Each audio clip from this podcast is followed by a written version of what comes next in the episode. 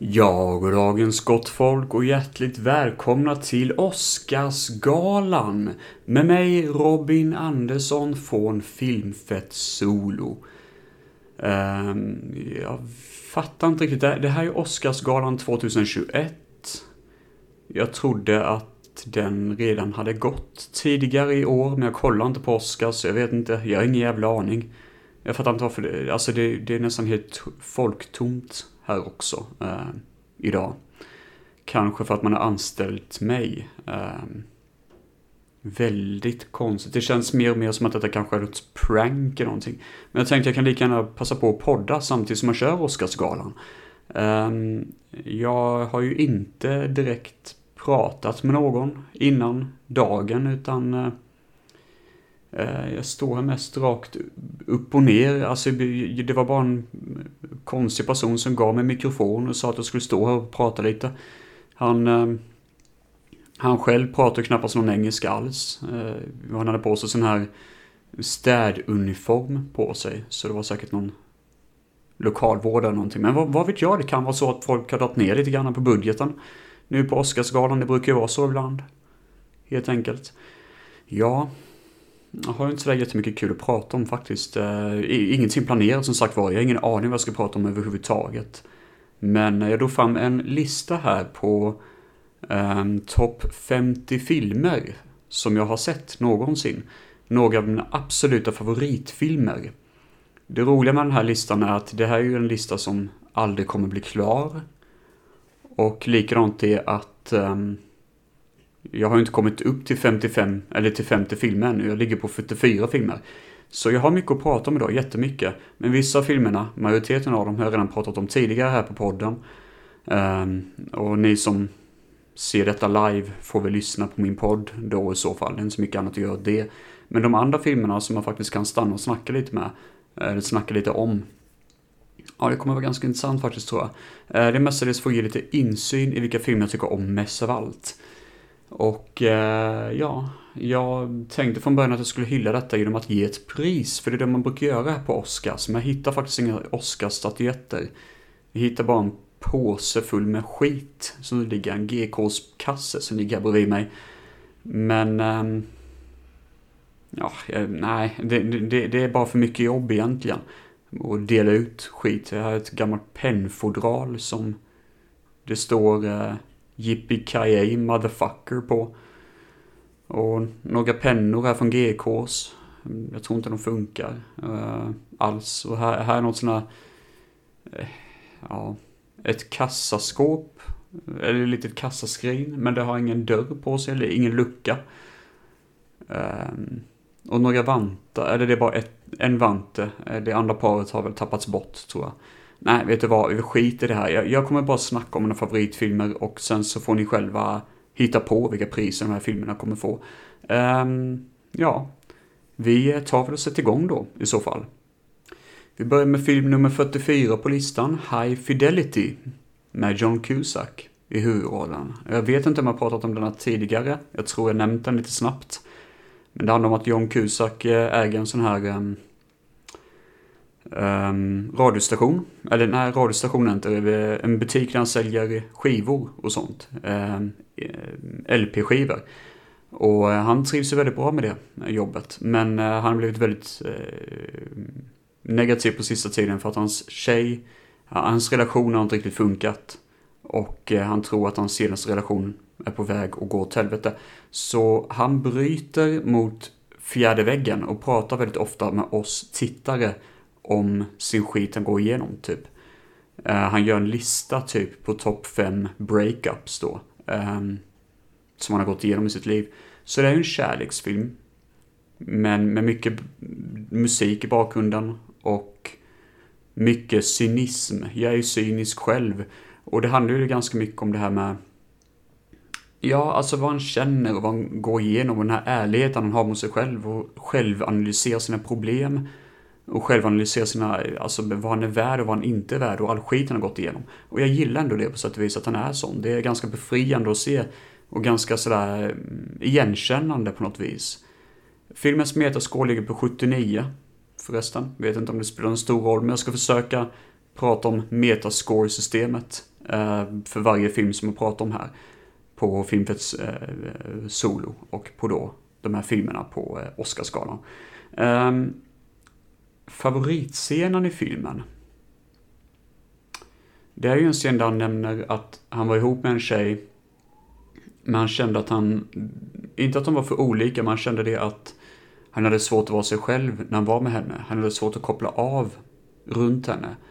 Och det är något jag faktiskt kan relatera till lite grann och förstå lite grann. Att det, det har man själv varit på någon dejt med en tjej som man på pappret tycker det här är en underbar människa. En människa jag borde verkligen tycka om. Men när man pratar med människan så märker man att oj shit, det här är en person som får mig att bli nervös över vem jag är. Jag kanske inte räcker till för personen typ. Och det var ingen bra känsla alls och det funkar inte alls.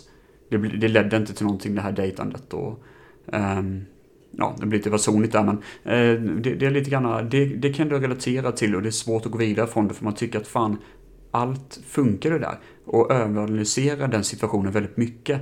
Och det är ändå gött på något vis att den här filmen slutar rätt positivt trots att han faktiskt är en ganska negativ person. För det blir ändå sådär, det finns hopp trots att man kanske känner att man är down the gutter, så att säga. Ja men High Fidelity, väldigt bra film och väldigt hyllad film för den sakens skull. Man gillar ju inte John Cusack annars generellt, men han är bra i denna. Och vi har också Jack Black. När han eh, i stort sett var i sin heyday. Nästan, när han verkligen blev stor där under tidigt 2000-tal. Ja, men den är god. Jag rekommenderar den. Nummer 43 på listan är en film som man faktiskt inte har nämnt, så vitt jag vet. Det är Denzel Washington, uh, Chloe Grace Moretz och David Harbour med den här filmen. Uh, The Equalizer från 2014. Metascore 57. Så det är ju stabilt ändå. Kunde varit bättre tycker jag faktiskt. Det här handlar om en person som spelas av Denzel Washington. Han är eh, en helt vanlig människa, tror vi. Men han lider, lider av sådana här sömnproblem, så han sätter sig alltid på ett café mitt i natten och sitter där och läser någon bok. Han försöker kötta igenom sin eh, frus böcker, för han är änka. Då liksom. Så han försöker kötta sig igenom hennes böcker. Eh, jag tror han håller på med hundra olika böcker just nu. I alla fall så eh, är det en annan kvinna då på, det här, på den här baren då som är prostituerad, som är typ en god vän till eh, huvudpersonen då, John, eller vad fan han heter. Och eh, en dag dök hon inte upp på det här kaféet och då tror ju John att något har gått fel. Så han besöker hennes pimp och eh, får veta då att pimpen har behandlat henne som skit, typ. Och då jävlar han låser in sig i rummet, smackar skiten ur den här pimpen och typ dödar hans män. Alltså han gör blodig attentat. Som är riktigt välgjort. Man fattar direkt att den här killen kan sina saker. Hur fan kan den här snubben bara jobba på en vanlig matvarubutik? Det här makes no fucking sense. Eller byggaffär är det. Men det är ju det att han är ju egentligen inte den han säger att han är. Han är någon annan. Han är ju egentligen före detta supersoldat, typ, nästan, i stort sett. Och det goa med den här karaktären, eh, det är det att han, han är ju så godhjärtad. Han vill stå för go godhet. Men han är inte rädd för att gå the extra mile och bli, bli skitbrutal om man väl behöver det. För att komma dit liksom. Så det är det jag tycker om. Det är en väldigt brutal film. Men han är smart, han har gott hjärta. Han är typ en superman nästan på gatan, för det, det är ju ingen som kan gå emot honom. Han är ju skitstark och omöjligt brutal han. Jag menar, ehm, han som spelar skurken i den här filmen som en rysk supersoldat, eh, alltså rysk superlönnmördare typ. Han har ju inte en jävla chans. Um, favoritscenen i scenen, i, i filmen, det är faktiskt de gångerna då vår huvudkaraktär verkligen står, vet du det, ett steg före hela tiden. Det är en scen då han går förbi skurkens bil och fotograferar med hjälp av en kamera då, med hjälp av sin mobilkamera. Helt utan att eh, skämmas för det, fotograferar han bilen och skurken som sitter i bilen. Och skurken sitter kvar bara, vad i helvete, typ. För det, det, är någonting han inte hade förväntat sig att shit, den här killen är fan hård alltså. Och sen är det en annan scen också som hände tidigare då den här skurken försöker bevi- eh, besöka Denzel Washingtons lägenhet. Och, Denzel får, eh, och han försöker liksom vara sådär eh, låtsas att han är polis typ. Och Denzel bara, hmm, brukar inte poliser typ lämna ifrån sig deras sådana här kort med kontaktuppgifter? Och när mm, ryssen bara liksom, eh, ja fast jag har inte kvar några gamla kort, jag har tagit slut på dem typ. Och den så bara, mhm. Se dig här igen. Då är du körd. Typ, lite så. Ehm, så man fattar direkt att den här killen, fy fan vad han är hård, Denzel Washington. Ehm, det finns också Equalizer 2, bra film utan tvekan, men den kommer inte upp i samma nivå som första Equalizer. Ja, den här rekommenderar jag. Jävligt bra. Ehm, klockren, hårdkokt thriller. Eh, utan tvekan. Väldigt eh, Dirty Harry-liknande. 70-tal-aktig. Fast fan om den inte är bättre än Dirty Harry ändå. Nästa film som jag kommer täcka går väldigt snabbt för jag har pratat om den tidigare. Och det är första Mad Max från 1979. Där poliser jagar efter eh, motorcykelgäng i Australien i en värld som är ganska på väg att bli postapokalyptisk, typ. Eh, gjordes av George Miller som sen blev väldigt känd regissör. Han är ju kändast för Mad Max-serien, men han gjorde lite annat, typ Babe, Den magiska grisen, eller vad fan det heter. Eh, vi har även Mel Gibson med i filmen och eh, UK's Burn, som kanske inte är känd, men det var han som senare blev då eh, den eh, otroligt kända Immortan Joe i Mad Max 4. Och han gick också bort, typ inte långt efter det. Den här filmen har metascore på 73. Men jag gillar den för att det är så hårda, coola stunts. Det är en hård jävla film. Den är rå på ett sätt som de andra filmerna inte är. Den är mer grundbaserad på ett sätt som de andra filmerna inte är. Medan fyran typ av flygande bilar och höga explosioner så den denna mer liksom sådär, kör en bil rakt genom ett, en jävla husvagn som typ splittras i tusen, i tusen bilar. Eller bitar. Eller en kille som typ råkar eh, liksom få en motorcykel inkörd i sitt bakhuvud. Vilket faktiskt inte var planerat och resulterade till att det blev en myt om att han hade dött under inspelningen. Vilket han faktiskt inte gjorde. Uh, så det, det, är mycket sådana härliga grejer som verkligen känns som... Det här är nästan som en snufffilm i sin prestation och sitt eh, utförande bara för att vara en lågbudgetfilm. Och det är det jag brinner för. Jag brinner för lågbudgetfilm och jag brinner för det här hårda. Och den här filmen är ta mig fan hård. Så ja, det är faktiskt en av mina favoritfilmer och utan tvekan den bästa i Mad Max-serien. Men det tar det för sig själv. Så ja, god film utan tvekan och garanterat värt att spana in. En av mina absoluta favoriter. Den här listan har ju ingen riktig, liksom, följande order, utan den är ju lite flummig. Så på 41 på plats hittar vi Blade Runner 2049 från 2017 med metascore på 81. Det är nog det högsta hittills tror jag, som jag har kommit till. Av Denis Villeneuve med Harrison Ford, Ryan Gosling, Anna de Armas och Dave Bautista. Och det är inte bara den här filmen, jag kommer även prata om första filmen såklart. Jag kommer inte lägga mycket krut på att prata om den här filmen, för i ärlighetens namn, det skulle bli alldeles för länge. Men jag kan säga så här, jag älskar att den här filmen spinner vidare på vad den första filmen gjorde. Och gör sin egna grej av det. Det gör ett mysterium av det hela på ett sätt som är verkligen engagerande och kul att kolla på. Den har bra miljöer, jävligt bra soundtrack. Det är ett annat foto än första filmen har också, den är nästan snyggare på ett sätt som är lite för fint. Medan första filmen var rå i sitt foto så är den nästan glansig och vacker att kolla på. Men samtidigt så är det också poängen lite grann att varför göra en uppföljare om man inte gör det på ett annorlunda sätt? Det är lite grann som Terminator 1 är på ett annat sätt än vad Terminator 2 är. Och det är det jag ändå tycker om med den här filmen som fan. Så jag tycker i stort sett att den är nästan perfekt om det inte vore för den här rollen som Eh, Eh, en av Joker-skådespelarna var med i. Det är ju en, en filmen som är jävligt svårt för. Inte Joaquin Phoenix, men den andra killen um, som spelade Joker i, um, i Suicide Squad. Jag kommer inte ihåg vad han heter, men han har ju väldigt svårt för. Och den skådespelaren, och han är tyvärr med i den här filmen i en roll som jag tycker är väldigt torr och tråkig att genomföra.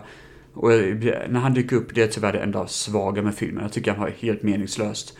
Han försöker vara djup, men det, det går inte för mig. Men däremot, jag gillar filmen väldigt mycket. Jag tycker den lyckas med det den ska lyckas med. Och den är visuellt så jävla vacker. Den bästa scenen för mig, det är nog allt som har att göra med huvudrollen. Um, K, som han heter, K.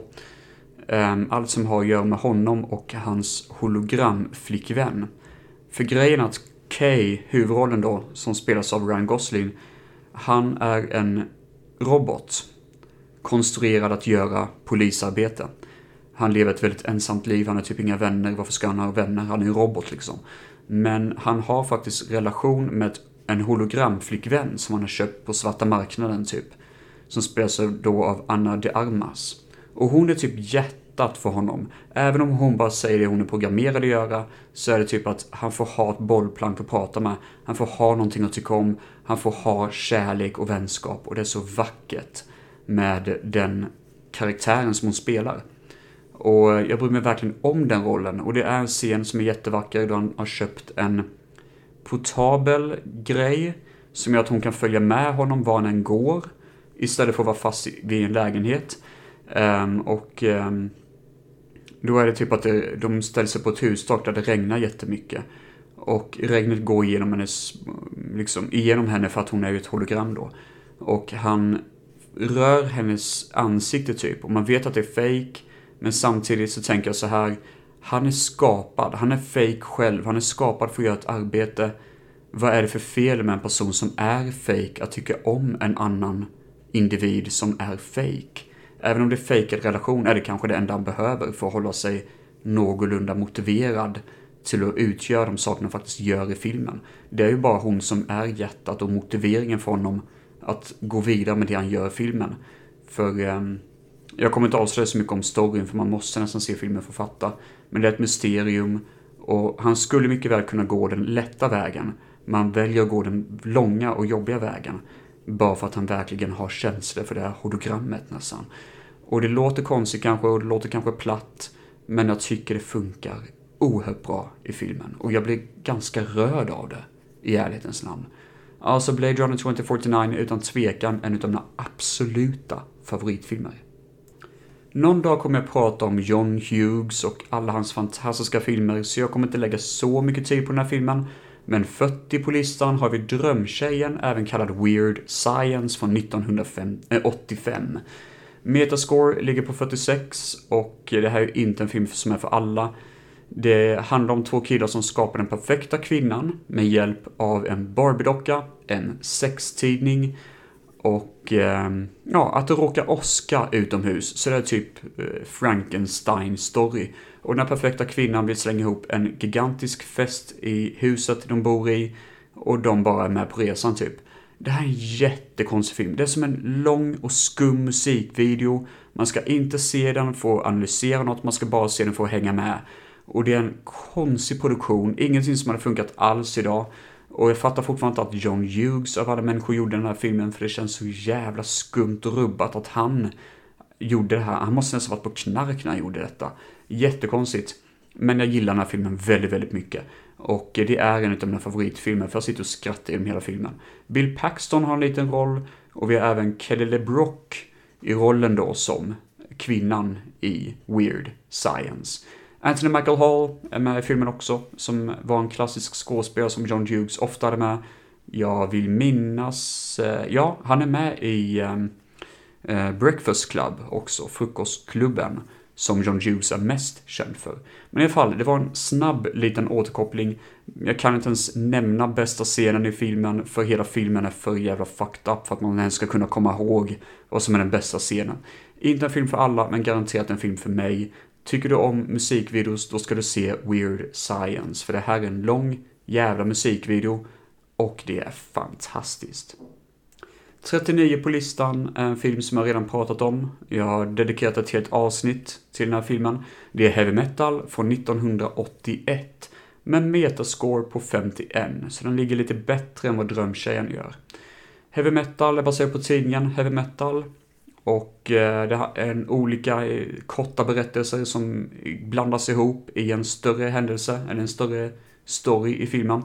Den är väldigt enkel att slå på och kolla på. Jag mår alltid bra när jag ser den. Jag brukar se den när jag är på lite halvdeppigt humör. Jag blir alltid på bra humör när jag ser den här filmen.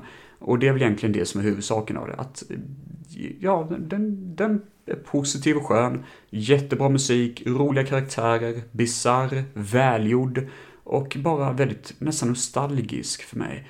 Um, för att den är animerad på ett sätt som verkligen påminner mig om typ Thundercats eller He-Man och sånt. Och det, för mig funkar det, men det funkar verkligen inte för alla. Den är väldigt sexistisk, alla kvinnor i den här filmen visar brösten. Eh, och ni får tolka det hur fan ni vill, jag bryr mig inte särskilt mycket om det, men jag tycker det är kul. Jag tycker det, det, det funkar för mig. Och inte på något pervosätt. Oh, ah, fan, nu vet jag att många, om ens någon kommer lyssna på det här, så kommer ni typ klaga på att jag tycker om den här filmen. Och då får ni göra det, det är okej. Okay. Alla har olika smak. Och jag ser inte detta för att det är naket, utan jag ser det bara för att det är en kul och oskuldsfull fri, eh, fritid. Eller alltså oskuldsfull tid för mig. Uh, heavy metal, 1981. Uh, ehm, inte för alla, men det funkar för mig. Lyssna gärna på hela avsnittet om heavy metal där jag pratar om alla segmenten som sker i filmen, plus pratar om heavy metal 2000, uppföljaren. Och går också in lite grann på vad heavy metal var för serietidning. Så ni kan lyssna på hela avsnittet där istället. The Secret Life of Walter Mitty från 2013 är på plats 38. Jag är helt hundra på att jag pratat om denna filmen tidigare, så jag kommer inte lägga mycket tid på den. Den regisseras av Ben Stiller, med han själv i huvudrollen, och Kristen Wiig. Eh, det är väl de som är kändast i den här filmen i alla fall. Komikern då, Kristen Wiig. I alla fall så är det att han eh, jobbar på ett jobb och jobbet håller på att lägga ner. Han ska leta efter ett fotografi, för det här jobbet är då en tidning. Och han ska hitta det sista fotografiet av en jättejättekänd fotograf som har gjort omslaget då på den här sista tidningen som ska produceras. Skiten är bara det att han, han hittar inte negativitetet. Så han måste åka till eh, Island eller Grönland eller någonstans, jag tror det är Island faktiskt, och eh, hitta det här negativet då. En väldigt vacker film på sitt enkla sätt. För huvudrollen, Walter Mitty, är väldigt introvert, väldigt liten, gör knappast något ljud ifrån sig, knappast att hans medarbetare ens vet vad han heter. Och han är en sån människa som bara vill leva ett bra liv. Han önskar att han kunde komma ut ur sitt skal och berätta för tjejen på jobbet som han tycker om att han faktiskt älskar henne.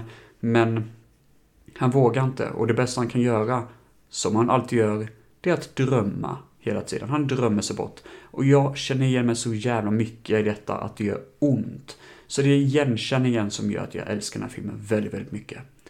Metascore ligger på 54, jag tycker det är ganska eh, dåligt score faktiskt. Men det är kanske för att jag själv har sån stor relation till den här filmen. Um, den är tydligen också en, eh, jag tror detta är en remake av en annan film från typ 30-talet eller något sånt. Men den har jag inte sett, så jag tycker det låter ganska konstigt om den ens har någonting med den här filmen att göra. Men The Secret Life of Walter Mitty, um, ja, oväntat bra film. Och fan vilken feelgood den här filmen är. Fan vilken feelgood. På 37 och 36 så har vi två filmer av samma regissör. Som sagt var, den här listan makes no fucking sense, för allt ligger ju i oordning ändå. Men det är Satoshi Kon heter han, en eh, asiatisk regissör. Så jag har pratat om detta innan för det är två animefilmer. Um, den ena heter Perfect Blue, som är en thriller, psykologisk thriller, om en kvinna som eh, typ får panikattack när hennes liv och en film hon håller på att spela in eh, blandas ihop i verkligheten samtidigt som ett besatt fan jagar efter henne typ. Så det är en brutalt mörk film och eh, kanske den enda animerade psykologiska thriller jag sett. Väldigt välgjord. Jag har nog aldrig sett en film som är så välgjord. Och eh, ja, jag tycker väldigt mycket om den. Den har inget metascore här på EMDB i alla fall, eh, vad det står. Men nästa film på listan, som jag tar i samma kör, är också Satoshi Kon, som sagt var, från 2006. Också pratat om denna. Metascore 81, den heter Paprika. Och Metascore 81 säger nog rätt jävla mycket. För då är den eh, extremt bra. Den ligger på topp 10, alltså topplistan då nästan av de bästa animerade i alla fall. Måste det nästan vara. Um, väldigt bisarr att berätta om, men det är drömmar och drömmar som blandas ihop i varandra. Och det är typ en märklig docka som kombinerar, som på något vis kommer in i de här drömmarna och får människor att fastna i drömmar. Som en typ av komatos och allt slutar med att hela jävla filmen blir en dröm. Det är som att all verklighet bara kolliderar och drömmar går in i verkligheten. Och man måste göra allt vad man kan för att stoppa den här katastrofen då. Det, det är en riktig mindfuck. Mycket bättre, eller jag har inte sett Inception. Men eh, jag är inte så glad i Christopher Nolan så, um, ja, det pratar för sig själv. Oj, jaha. Nu ser jag en gubbe som reser sig där borta. Jag trodde inte det var någon här i, i salen idag. Um, ja, han ser inte glad Jag tror det är Christopher Nolan där. Ja, det är det. Ja, nu går han bort mot, mot dörren där. Fy fan vad han blänger på mig. Herregud, det ser ut som att jag fiser till en hiss typ. Fy, han är helt röd i nyllet. Ja, där, där gick han. Ja, det var ju väntat. Han var kanske den enda, den enda gästen vi hade här idag på Oscarsgalan 2.0. Ja, ja, skitsamma. Um, jag är inte så förtjust han som regissör. Men uh, vad jag kan säga så här, det märks att Paprika, att han, han måste tagit mycket inspiration från Paprika, utan tvekan. Och jag tror han har tagit mycket inspiration från Perfect Blue också. Och det är inte fel, det är inte dåligt. Det är bara det att jag för de, de här filmerna jag föredrar hans filmer. Jag tycker han är lite torr som filmregissör. Och det inkluderar faktiskt Batman-serien. Även om eh, Batman-trilogin är väldigt välgjorda på papper så är det inte så mycket med han att göra. För han kan fan inte skapa roliga karaktärer, enligt mig. Men där hade vi Paprika och Perfect Blue i en snabb liten sammanfattning. En annan film som jag pratat om tidigare, det är ehm, eh, Royal Space Force, även känd som Wings of Honomasse. Och eh, jag kommer inte gå in så mycket på den faktiskt, ärligt talat. Eh, för jag har pratat om den tidigare. Den är från 1987. När den kom ut var den den dyraste anime-filmen som hade gjorts. Men det var ju innan Akira kom. Och Akira har jag faktiskt inte lagt på den här listan, för jag har bara sett den en gång och jag måste se om den för att veta om det verkligen är värt att hamna på min topp 10-lista. Eller topplista. Men på 35 hittar jag i alla fall Wings of Masse, även känd som eh, Royal Space Force.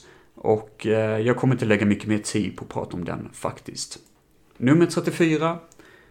Nu jag vet att jag pratat om denna i min lista där jag pratar om mina favoritnattfilmer. Det var i begynnelsen av Filmfett Solo. Och ni som sitter nu och kollar på det här ehm, just nu på eh, Oscarsgalan 2.0. Eh, ni får gå in på Filmfett Solo och lyssna på det avsnittet, tycker jag. Eh, 34 är Miracle Mile från 1988. Jag har pratat om den här filmen innan som sagt var. Jag kommer inte gå in på det mer. Men det är en perfekt film om en jobbig natt för två huvudkaraktärer som verkligen älskar varandra och de måste göra allt vad de kan för att överleva en kommande katastrof när eh, Los Angeles, så där, eh, är på väg att bli eld och lågor under ett kärnvapenattack som kommer hända inom 70 minuter. Så det är jätteintensivt och jättebra musik av det här fantastiska bandet. Um, uh, vad heter det? Mm, Tangerine Dream. Helt outstanding musik. Jag önskar att den här musiken kunde vara med på Spotify, men den har inte kommit ännu. I alla fall, jätte, jättebra, jätte, jättebra film och uh, ja, alltså det, det, är en av de absoluta, vi pratar om absoluta top tier, best of the best, crème de la crème av mina favoritfilmer. Ännu en film jag pratat om tidigare, det måste jag ha gjort i alla fall. Annars så får jag dedikera ett helt avsnitt till det någon gång i framtiden. To Live and Die in LA av William fucking Friedkin med William Defoe, John Penkov och William Peterson i huvudrollerna. Metascore ligger på 81. Herregud vilken bra film detta är. Detta GTA The Movie. GTA The Movie och så nära Miami Vice som en film kunde komma långt innan den riktiga filmen kom 2004, eller vad fan det nu än är. Och den filmen kommer jag inte prata om för jag har faktiskt inte sett den, men jag vet att den, den är väldigt lätt glömd. William Defoe spelar en pengatvättande tönt typ. Han är jätteskurkig, eh, jätteond är han. Eller jätteond ska man inte säga, men han, han är företagsam, men han råkar vara på den onda sidan. Och eh, vi har två poliser som jagar efter honom som ska hämna deras partners död.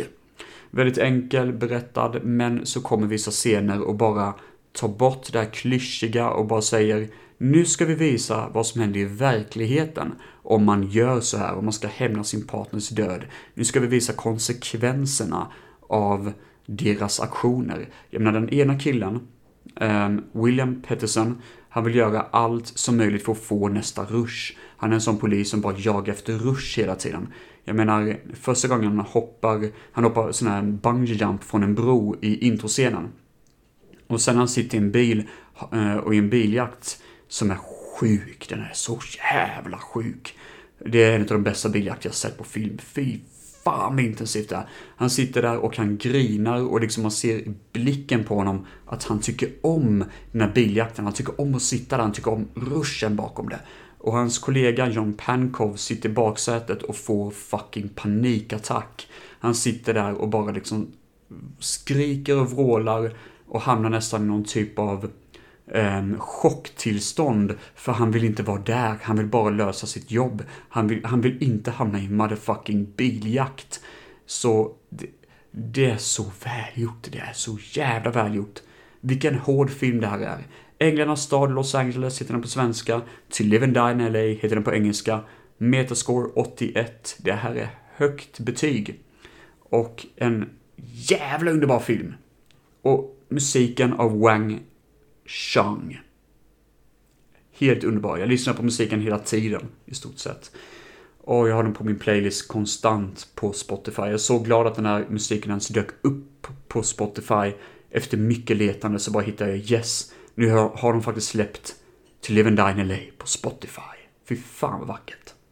32 på listan. Här har vi Robocop från 1987. Metascore 67. Fan, det är svagt alltså. 67 på Metascore. Regisserad av Paul Verhoeven med Peter Weller, Nancy Allen, Dana Hurley, Ronnie Cox och Red från eh, um, vad heter den, från uh, That 70 Show. Och jag brukar alltid se det som att när han spelade Red i That 70 Show så var det hans personlighet innan han blev skurken i Robocop. Och jag är nog fan inte den enda som tycker det. För jag tycker Red är asshole och han, han är svin, typ och sådär jobbig karaktär. Och han är på väg att bli skurken i Robocop, vilket bara gör det jävligt kul. Fast även om han som skurk i Robocop är betydligt mycket mer hetsigare. Den här filmen är så välgjord och jag kan inte lägga tid på att prata om det. Men det händer så sjukt mycket utöver huvudstoryn. Det händer mycket mer än vad man tror. Polisen som ska gå på strejk. Vi ser en massa sådana ironiska tv-inslag. Och jag tror nu i, när det finns mycket tv-serier som lyckas, som exempelvis typ eh, vad heter det? Daredevil lyckades bli en tv-serie som blev skitbra ett tag. Och likadant, um, vad fan heter den? Uh, Stranger Things blev ju en jättestor succé. Jag kan tänka mig att hade man gjort Robocop idag som en PG tv-serie så hade det varit perfekt format. För man kan fan inte göra detta som en film idag. Eh, de försökte göra remake på den här filmen, jag har inte sett den. Jag kommer inte ens prata om den, eller prata om den skiten just nu. Men jag hade velat se detta som en tv-serie, mer full-fleshed tv-serie. För det finns så mycket den här filmen tar upp som bara går att göra tv-serieformat idag. Fy fan, jag älskar Robocop. Det är så sjukt om när man tänker hur mycket de krämer in på, på eh, ja, lite över en timme. Fan, jag är stört. Oh. Jag får ta och prata om det någon gång i ett eget avsnitt för sig. Paul Verhoeven och den heliga trilogin borde man ju prata om någon gång. Uh, och jag kommer komma till de andra filmerna också av Paul Verhoeven. Ni behöver inte vara rädda för det. 31 på listan, där har vi Die Hard från 1988. Metascore 72 ligger det på. Det är ju väldigt svagt. Det borde ligga på minst 80 i alla fall. Eh, regissören John McTiernan med Bruce Willis, Alan Rickman, Bonnie Bedelia och Reginald Vell Johnson i rollerna. Oh boy, vilken film! Eh, ligger lite över två timmar tydligen. Ja, ja det kommer faktiskt inte ihåg att den var så lång. Eh, handlar om att eh, Eh, då eh, John McClane, en polis som ja, kommer till ett höghus och eh, helt plötsligt så slår terrorister till mot höghuset. Han, eh, han är ju ledig, liksom John McClane, så han har bara en tjänstepistol med sig från sitt jobb typ. Men han måste slåss mot de här terroristerna och rädda sin fru som är i det här hög, höghuset. Det är julafton, men det spelar en så jävla stor roll för att se allt den här filmen när det är varmt ute, när det är sommar, en riktig sommarkväll. Ska man se Die Hard. Det här är riktigt, riktigt bra. Intensivt, skitbra stunds, skitbra action och eh, jävligt bra manus också. Så jävligt intelligent. Och ja, jag måste prata om Die Hard-trilogin i något avsnitt. Jag kommer ta alla filmerna var och en för sig och massakrera för de här filmerna är så jävla bra. Fyran och femman kommer jag aldrig, aldrig, aldrig att prata om. Men Die Hard 1, om jag måste sätta någon utav Die Hard-filmerna på min topp 10-lista, eller på min topp 50-lista, då är det Die Hard 1.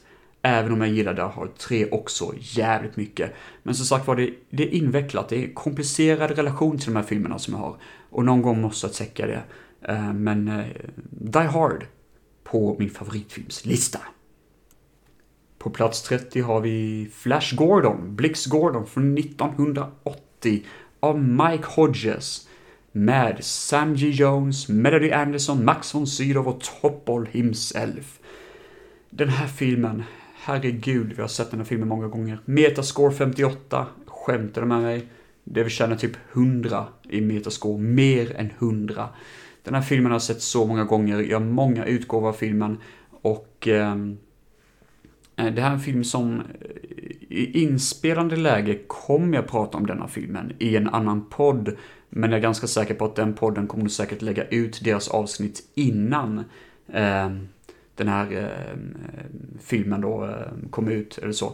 Eh, jag kommer posta om det i alla fall, eller innan det här avsnittet kommer komma ut. Jag kommer posta om detta på Instagram och Facebook i annat fall, men Flash Gordon.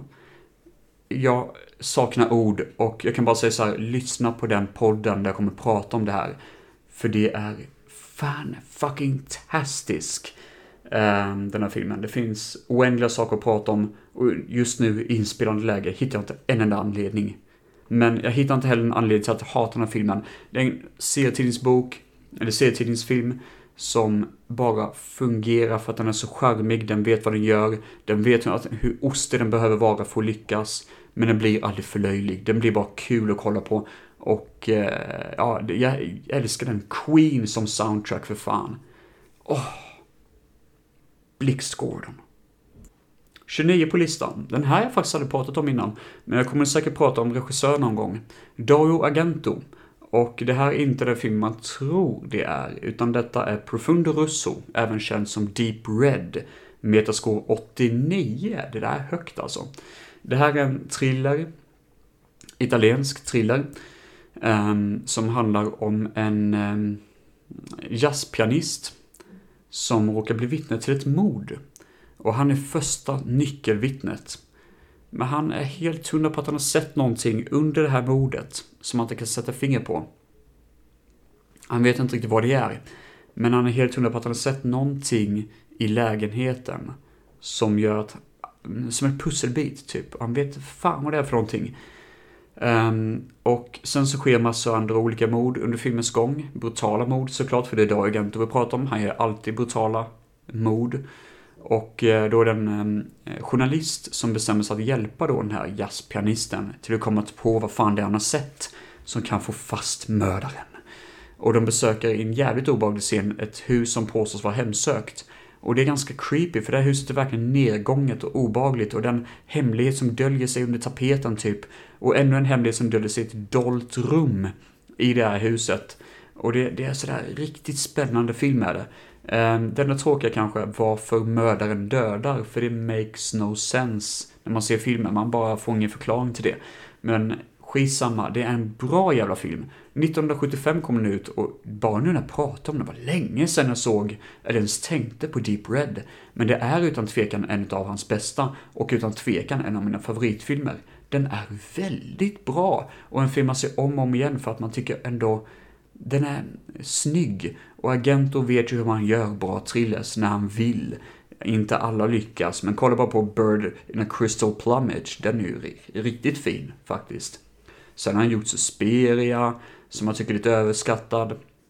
Han har gjort Tenebre, Fenomena. Ja, jag, jag får ta och täcka hans filmer någon gång faktiskt. Eh, Profundo Russo i alla fall. Deep Red, suverän, bra film. På 28 så har vi en film från 2014 som har metascore 76. Adam Wingard har gjort den. Dan Stevens som är filmen. Micah Monroe som jag fullkomligt älskar. Filmen heter The Guest. Jag tror jag pratat om den i mitt eh, avsnitt där jag pratade om nattfilm, för den här fun filmen funkar väldigt bra att se på natten. Det är en thriller i alla fall om en kille som kommer hem från Vietnam, tror jag det är. Han kommer till sin familj och beklagar sig för att deras son har blivit död då under kriget. De var goda vänner och eh, bara för att han är så schysst den här killen så bestämmer sig familjen, ja men vi ska låta dig bo här ett tag liksom. Och han gör lite hjälp, han är charmig och god och sådär och alla gillar honom i familjen. Men det är något som är fel med honom, det är något som är off med honom. Han är nästan lite för snäll, tycker då Micah Monroe, som spelar då, eh, eh, vad heter det, eh, eh, eh liksom, eh, eh, spelar då dottern i familjen. Och hon tycker han beter sig konstigt. Och hon bara, mm, ja det är något märkligt, det är något off med honom. Och jag vill veta vad det är. Så hon börjar undersöka lite mer och mer och eh, ja, han är ju inte den han säger sig vara. Eller han är den han säger sig vara, men han är inte riktigt kanske the good guy. Och det är lite så här, lite psykopatkänsla över det hela. Och det är det jag gillar med filmen också, att den vänder plötsligt och blir en jävla actionfilm som är riktigt jävla cool faktiskt. Adam Wingard gjorde ju massa film sen efteråt som inte riktigt lyckades, enligt många. Han gjorde nya, um, uh, vad heter det, Witch, uh, vad fan heter den? Witch of the West höll på att säga. Blair Witch Project, jag eh, för för man gjorde i alla fall. Han gjorde någon annan film här som inte riktigt lyckades. Så han har inte riktigt kommit tillbaka. Men enligt mig, The Guest från 2014, väldigt underskattad och fin, god jävla film. En av de bästa thrillers jag sett. En film från 1988 blir plats nummer 27 och det här är en film jag aldrig kommer se om igen. Men Metascore ligger på 94. Och jag pratar om en film som gjorde mig väldigt, väldigt berörd när jag såg den. Eldflugornas grav känns som the grave of the fireflies. Jag grät när jag såg den här filmen. Det handlar om två goda, två syskon är det. En eh, pojke och en dotter, eller en tjej rättare sagt, som försöker överleva i Japan under andra världskriget. Deras föräldrar har dött, vill jag minnas, eller de flyr deras by som typ sprängs sönder eller något sånt. Och de bara springer och flyr, de är hungriga hela tiden, har ingen att vända sig till och det enda de gör är att de försöker liksom vända sig till deras fantasi för att klara sig i alla fall positivt från deras hemska livsöde. Och redan från första början fattar man att det här kommer bli dark. För det börjar med att pojken då sitter ensam och sjuk på en eh, tågstation och det är något som går förbi bara hö, liksom res på den och sånt. Jag kommer inte ihåg hur fan det är. Folket runt omkring honom ignorerar honom i alla fall. Och eh, till slut så dör han och hans själ liksom lämnar hans kropp. Och då kramas den här handen då, hans hand, hans själs hand av den här systern då, den lilla systern som har fattat att hon har redan dött. Och då vandrar de igenom filmen och ser sig själva som spöken. Eh, vad som hände typ under kriget och de får gå igenom det här ytterligare en gång tills de då ska gå vidare till andra sidan. Man vet ju redan vad som kommer hända, men det är så vackert och det är så jävla sorgset. Fy fan vad jobbig den här filmen är. Det är ingen film jag kommer se om någonsin, men det är en av de jobbigaste filmerna någonsin. Men Metascore 94, jag tror inte någon av mina favoritfilmer har kommit så högt på listan, inte ens nummer ett. Så jag tror detta är den mest genuint älskade filmen av alla mina favoritfilmer. Eh, generellt sett då. Dock, som jag sagt innan, innan, det här är ingen film jag kommer se om igen. Men fy fan vad tung den var. 26 på listan är Chicago Cab från 1997. Ingen metascore, för det här är en film som typ ingen har sett. Eh, vi har några kända namn. Eh, Paul Dillon. Eh, ja, nej, det står inte, det står faktiskt inte några kända namn mer än det. Men Michael Ironside har en liten roll såklart. Och um, vi pratade innan om High Fidelity. Uh, John Cusack har en liten, liten roll. Det här är inte någon känd film, inte ens någon bra trailer på YouTube. Men jag gillar den här filmen jävligt mycket. För det handlar om en kille som kör en last, eller lastbil, en, eh, la, eh, vad heter det, en taxi är det, i Chicago. Sliten jädra taxi. Och han sitter där och kör runt olika eh, personer. Och alla har någonting att berätta. Antingen är det en religiös, ultrareligiös familj, där han upptäcker att de trycker ner sin religion för mycket på dottern i familjen.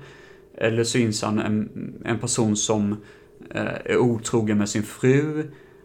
Eller det värsta, enligt mig. Och det här, det här är nog fan det tyngsta. Han plockar upp mitt i natten då en kvinna som har blivit våldtagen. Och det är Julian Moore, vill jag minnas att det var i alla fall. Och han, fy fan, åh oh god, han sitter verkligen där och får nästan panik när han får höra detta. Han bara, vad, vad kan jag göra? Vad, vad, vad, kan jag göra för någonting liksom sådär? Han vet inte vad han ska göra. Han har den sämsta dagen någonsin i sitt liv. Och det är eh, dagen innan julafton och sånt. Mitt på natten, det här är egentligen spoiler, men vem bryr sig? För det är så otroligt fint också att det här händer. Eh, det är ingen som lyssnar på det här som kommer se filmen ändå, det kan jag garantera er. För det, ni är sådana liksom, nej, det verkar dåligt i och med att det inte har något metascore typ. Men skitsamma, nu kommer jag berätta hur det slutar. Han plockar upp en kund då, eller en kille. Och det är kanske den enda normala killen han har plockat upp hela natten. Det är en schysst person, han verkar rik för mig och han säger typ att eh, liksom, de kör runt i slumområdet. Han bara liksom sådär Ja, jag växte faktiskt upp här för länge sedan så ska jag hem till mamma och kolla läget med henne lite grann. Ska du hitta på någonting nu i jul? Ah, ja, jag pratar om att jag ska hem till mina föräldrar för att se vad jag gör liksom, säger han, taxichauffören då. Och chauffören har ju så dålig dag. Han, han försöker verkligen hålla mot, eh, liksom positiv agenda, man kan verkligen inte. Och till slut så bara brister han ut i gråt. Och han berättar om hur jävla värdelöst allt är liksom. Han orkar inte det mer. Eh, jag menar, vissa av de här historierna som han varit med om har varit lite halvt komiska ur ett komiskt perspektiv. Men han berättar om den här kvinnan som blev våldtagen. Och han berättade att han önskade verkligen att han kunde göra någonting. Bara säga någonting om att allt kommer bli bra igen. Men han vet att det är en lögn. Hur kan han berätta något som är en lögn till en person som sitter där och gråter som fan och mår skitdåligt? Vad kan han göra för att få henne att må bättre? Han mår så jävla dåligt och har sån jävla fucking ångest. Han säger det här är för fan dagen innan julafton. Hur, vad fan ska jag göra typ liksom?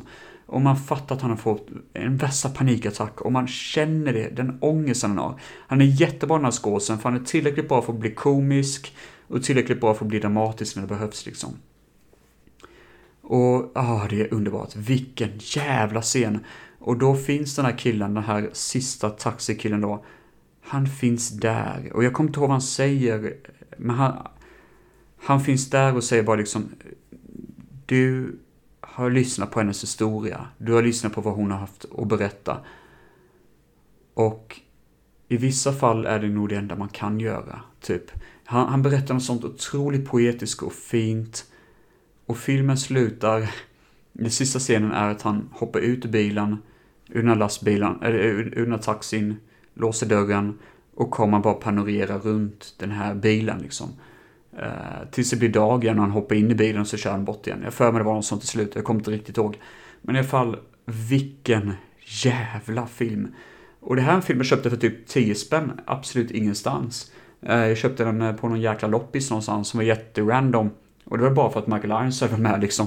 Och han är ju en skitliten roll som är obefintlig i den här filmen. Men det är ändå, det här är jättebra och jag rekommenderar verkligen att spana in det. Chicago Cab från 1997, tro mig. Det här är bra. Den är också baserad på en, ehm, eh, någon typ av, ja vad heter den nu igen? Eh, ja, eh, off-Broadway-pjäs, tror jag det kallas för. Ja, men det, detta är vackert. Se den. Chicago Cab. 25 filmen på listan, som återigen inte har någon ordning, men whatever. Metascore 82. Den här filmen kommer aldrig kunna beskriva. Repo Man från 1984 av Alex Cox med Harry Dean Stanton, Emilio Estevez, Tracy Walter och Olivia Barash. Massa kända namn, eller Harry Dean Stanton känner man till och Emilio Estevez är i huvudrollen. Ehm, det handlar om en kille som eh, spelas av Emilio Estevez. Han eh, får av slump jobbet att bli en sån här reprocessor av bilar. Så han åker runt och typ snor bilar av folk som inte har pengar till att betala tillbaka och så lämnar han det på en bilverkstad. Um, och så får, måste de köpa ut bilen, typ helt enkelt. Um, Och det är Harry Dean Stanton som blir då hans mentor under detta. Och det här är en film som är jätteknäpp, för den, den har en punkig atmosfär på det sättet att ingenting egentligen håller ihop. Man fattar det att det här utspelar sig i en ironisk kommersiell värld. Um, också en film jag är helt hundra på att jag pratat om innan. För alla sådana här matprodukter och sånt, eh, exempelvis köper man en öl så har den inte någon specifik um, titel. Det står bara på beer med svarta bokstäver på en vit text typ. Liksom, det är lite grann som They Live. Att allt, eh, köper man kattmat så är det bara en vit, eh, en vit liksom papperslapp runt kattmaten och så står det cat food typ. Och jag för mig detta var för att de inte kunde bli sponsrade av olika företag. Som gjorde det på det här sättet. Jag för mig det var en sånt. Um, ehm, och sen är det det roliga med att alla karaktärerna som man träffar i alla fall under filmens gång har namn baserade på ölsorter. Så vi har väl, eh, ja, nu kommer jag inte ihåg vilka det är, men det, det, det, karaktärerna heter någonting med ölsorter i alla fall. Eh, Bud, Buddy, Buds, eller något sånt, så det finns en öl som heter. Det finns ingen som heter Heineken i förra filmen, det har varit jättekul, men det gör det faktiskt inte. Men eh, sådana amerikanska B-aktiga alkisdrinkar typ. Um, en konstig film, väldigt, väldigt flummig. De ska försöka få tag på en bil som typ har något radioaktivt skumt material i baksätet som förvandlar folk till skelett om de öppnar eh, bakluckan. Eh, och han ska köra runt den här bilen och typ blivit infekterad av något radioaktivt virus och han bara kör runt och är jättesjuk, han bara hostar och nästan håller på att spy och dö av sig. Och alla är ute efter den här bilen för att den är typ liksom jättehelig. Så alla, vi pratar om alla gangstrar och FBI och alla är ute efter den här jävla bilen. Till och med en präst jag för mig. Dyker upp i slutet i alla fall och ska liksom söka eh, med Guds kraft försöka få den här onda negativa energin i baksätet att försvinna. Det, det här är en bananas jävla film. Den är för konstig för att vara en komedi. Den är för typ djup kanske. För att vara en actionfilm. Nej, det finns ingen genre att hitta på det här. Det här är... Det här är en bananas jäkla film utan genre inte för alla. Det, det, finns jävligt många som hatar den. Egentligen borde jag hata den också, för det är ingenting som egentligen är bra med filmen. Men det är typ någon, det som gör filmen kul också på något vänster. Det finns ingen poäng med filmen heller, vilket också jag tycker är kul. Och musiken är fantastisk också. Musiken är riktigt god. Ja, men det här, det här är en favoritfilm för mig. Och jag vet inte fan varför. Precis som Weird Science, den bara finns där som en bizarr upplevelse. På plats 24 kommer en film jag också pratat om tidigare. Jag pratade om David Lynch. Jag har pratat innan om Lost Highway från 1997. Det här är en mörk film med Bill Pullman, Patricia Quett, bland annat. Um, handlar om en man som um, får anonyma, eller ett par är det, som får anonyma sina VHS-band skickade till sig. Och en dag så upptäcker han att han ser på VHS-bandet att han har mördat sin egna fru. Och då går han in i sovrummet och ser att hon ligger död på en säng typ. Sen så blir han, hamnar han i finkan för det. Och dagen därefter så upptäcker polisen att det är inte han som sitter i fängelsecellen utan helt plötsligt en annan karaktär. Um, som är mekaniker. Så de bara oj, vi måste ha tagit fel person. Och så släpper de ut honom. Och då får vi följa hans liv istället. Som typ visar sig gå parallellt nästan med det här mordet på hans fru typ. Det är en jättekonstig historia, men det är ju David Lynch som har gjort det. Man ska inte försöka följa med för mycket, tror jag, i storyn. Uh, introlåten är jättemörk. Och heter uh, Lost, nej inte Lost Highway, den heter um, um, I'm Deranged heter den ja, just det. Av uh, allas våran David Bowie. Som är skitkul. Riktigt bra låt faktiskt. Metascore 54, jag trodde faktiskt den skulle vara högre än det. Men eh, det är inte en film för alla. Och man kommer inte fatta vad fan filmen handlar om. Men samtidigt, ja, det, det, är ju Lynch, det är ju en, en grej för sig. Och det här är verkligen en film som är jävligt dark. Och eh, kanske inte filmen kommer se om igen, men det är lite grann som ett äckelkryp skalbagge man måste ändå veta att den här skalbaggen finns. Även om man kanske inte vill se den. Jag har ingen jävla aning vad jag menar med det. Kolla inte på mig på det sättet. Ja, men nu, nu, nu hoppar vi på nästa. 23 på listan kom 1931. Jag pratar om filmen M. Av Fritz Lang med Peter Lorre i huvudrollen då. Och det här är en film som konstigt nog inte har metascore på IMDB i alla fall. Men eh, detta är en film som eh, handlar om eh, jakten på en seriemördare.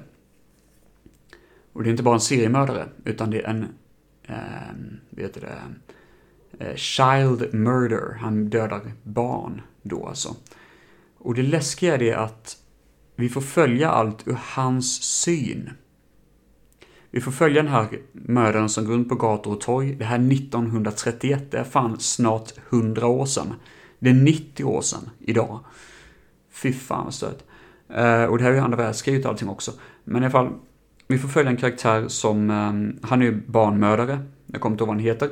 Men polisen jagar efter honom, alla jagar efter honom och han lider av inre demoner som får honom att göra de här hemska grejerna. Och eh, i slutet då så blir det en stor samling människor eh, i en sån här rättegångssal som skäller på honom och typ bara liksom, nu så ska du försöka försvara dig själv för annars kommer vi döda dig. Alltså du kommer hamna i finkan annars. Eller du, du kommer verkligen dö annars. Vi, vi kommer döda dig för vad du har gjort typ. Och han får sån panikattack och bara skriker ut Fattar ni inte? Jag hör rösterna inom mig, jag kan inte bli av med det. Det hemsöker mig varje natt, varje dag, varje tid. Det händer mig hela tiden, typ liksom sådär. Han försöker verkligen försvara sig själv på det sättet att han berättar hur, vilken jävla smärta han går igenom. Att han vet om vad han har gjort och han vet att det finns ett speciellt ställe för helvetet för honom, vad han har gjort liksom. Och det här är en film som är så aktuell konstant och stark konstant. Jag menar, Miami Vice har ett avsnitt som slutar på samma sätt som den här filmen gjorde, M, med den här rättegången och det är... God damn! Det är bra. Eh, I alla fall, ingen film som man kanske ser om särskilt ofta, men... Oh, Fritz Lang, vilket geni han var att han gjorde den här filmen. Och det är också en film som är referens till hans hat mot nazisterna. Det är en tysk film, han var själv tysk, Peter Lorre var tysk, de stack från Tyskland under andra världskriget och skaffade sig en eh, stor eh, vet det, karriär båda två i eh, USA. Men jag för mig filmen blir bannad i eh, Tyskland om man inte minns fel. Under en tid i alla fall, för att man fattade det att det här är egentligen deras kritik mot nazisten. Uh, God, ja men det är vackert. Riktigt, riktigt bra film. Riktigt stark klassisk film. Nu är vi inne på fina territorier. 22. I saw the Devil från 2010. Det här är en film som var länge sedan såg. Det är en film som upprepar sig väldigt mycket, men det är också poängen med filmen. Vi har en hemlig agent, eller ja, han är en agent helt enkelt, som ehm, eh, får veta att det finns en seriemördare som är jättebrutal. Han får veta att han har gett sig på agentens fru. Och om jag inte minns fel, ofödda barn också, har jag för mig. Och agenten blir så jävla förbannad på det här. Han lyckas tracka ner var seriemördaren befinner sig. Slår skiten i den här killen. Bokstavligt talat mörbultar honom utav bara helvete. Men låter honom leva och sätter fast en sändare på den här killen. För varje gång som den här seriemördaren försöker göra något hemskt eller vara svin igen. För då dyker den här jävla killen upp, den här agenten, för han stakar honom och slår mörbultar skiten ur honom igen och gör samma sak och procedur om och om igen. Och eh, det är kanske inte film för alla, men för mig tycker jag det bara är så befriande att se detta. Se en total jävla hämndfilm. Metascore ligger på 67 förresten. Och eh, ja, det är fläskigt. Det är en god film, utan tvekan. Jag kan inte riktigt komma på något mer än att bara Åh, oh, vad det känns befriande att se en film som verkligen är en sån fantastisk hämnd. Som fantastisk... Det här är fan mer. Mycket, mycket mer än vad du förtjänar, typ. Ditt jävla svin som går runt och dödar oskyldiga folk och gör hemska saker. Då är vi framme till nummer 21 på listan. Candyman från 1992. Av Bernard Rose med Virginia Madsen, Xander Barkley, Tony Todd och Cassie Lemons. Metascore 61. Ja, stolid stuff. Um, den här filmen, um, ja. Jag vill egentligen inte gå in så jävla djupt på det, men det handlar om en legend om en kille som är liksom seriemördare, eller kille som... Legenden går att säger du Candyman framför spegeln fem gånger så kommer han dyka upp bakom det och döda dig med en krok. Det är en, alltså, det är en sån myt då, i den här filmen då. Och ehm, då är det en eh, student som då spelas av eh, Virginia Madsen som beslutar sig att genomför, genom, undersöka den här myten och varför det ofta händer, de här märkliga sakerna händer i eh, ett väldigt mörkt samhälle då liksom. Såna här, ehm, byggnadsprojekt som är slumområde. Den här filmen spelas faktiskt in i slumområdet och man var tvungen att ha riktiga vakter för annars skulle saker och ting gå åt helvete typ. Så vissa saker för mig till och med det var riktiga gäng som var med i filmen bara för att få authenticiteten när de gjorde den här filmen. Uh, Virginia Madsen är ju en väldigt rik kvinna. Hon är vit. Och uh, även om hon är rik och vit så är hon också förtryckt för hennes man Xander Barkley är ett fucking svin i filmen och behandlas som en jävla leksak. Och um, i stort sett liksom låta henne inte ta det till punkt och bara ha henne som en trofé nästan. Han är den drivande kraften i den relationen och hon får knappast yttra sig. Även om hon faktiskt är en väldigt stark kvinna så blir hon oftast nedvärderad mycket av sin omgivning. Eller av Xander Barkley och hans vänner i alla fall. Um, men um, Virginia Madsen undersöker mer och mer om det här. Hon tror att det är myt. Eh, och hon kommer då till det här eh, slumområdet där man berättar att polisen undersöker aldrig någonting, alla mystiska mord och all skit som har hänt där. De gör aldrig någonting när det är gängrelaterad skit, de gör bara saker om det är en vit kvinna som är där liksom.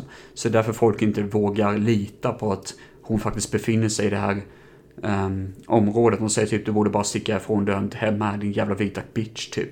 Liksom sådär, de har lite den attityden då mot henne.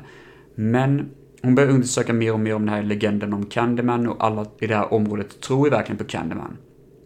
Hon blir misshandlad av en person och det, eh, hon misstänker hela tiden att det är Candyman, eller att det är den riktiga ursprunget bakom Candyman. Men, och det här är den bästa scenen i filmen, utan tvekan en av de läskigaste. Eh, hon går runt ensam i sån här eh, mitt på dagen i ett parkeringshus och ska gå till sin bil. Och helt plötsligt så ser hon en skugga som står lite längre bort och med mörk jävla röst hör hon Candyman tala till henne. Och fy fan vilken basröst han har Tony Todd. Det är helt jävla sjukt. Så det här är ju en magiskt, magiskt jävla bra scen där man introducerar det redan i dagsljus. Det, det, det, det hade jag aldrig sett innan. Det hade jag aldrig trott skulle hända. Och jag får fan kalla kårar av det. Riktigt, riktigt gott är det. Ja, men det här är en god film, väldigt välgjord och eh, otroligt läskig. Men den första gången jag såg den så höll det på att nästan pissa på mig. Och jag tycker den är genial än idag. Den har så mycket att berätta, mycket mer än att det är en läskig film. Det, det är något djupare bakom det hela också. Det är mer än en bara, bara en skräckfilm. Det det här är ju social kommentar också. Utan att bli för preachy, utan faktiskt ha en mening. 20 på listan.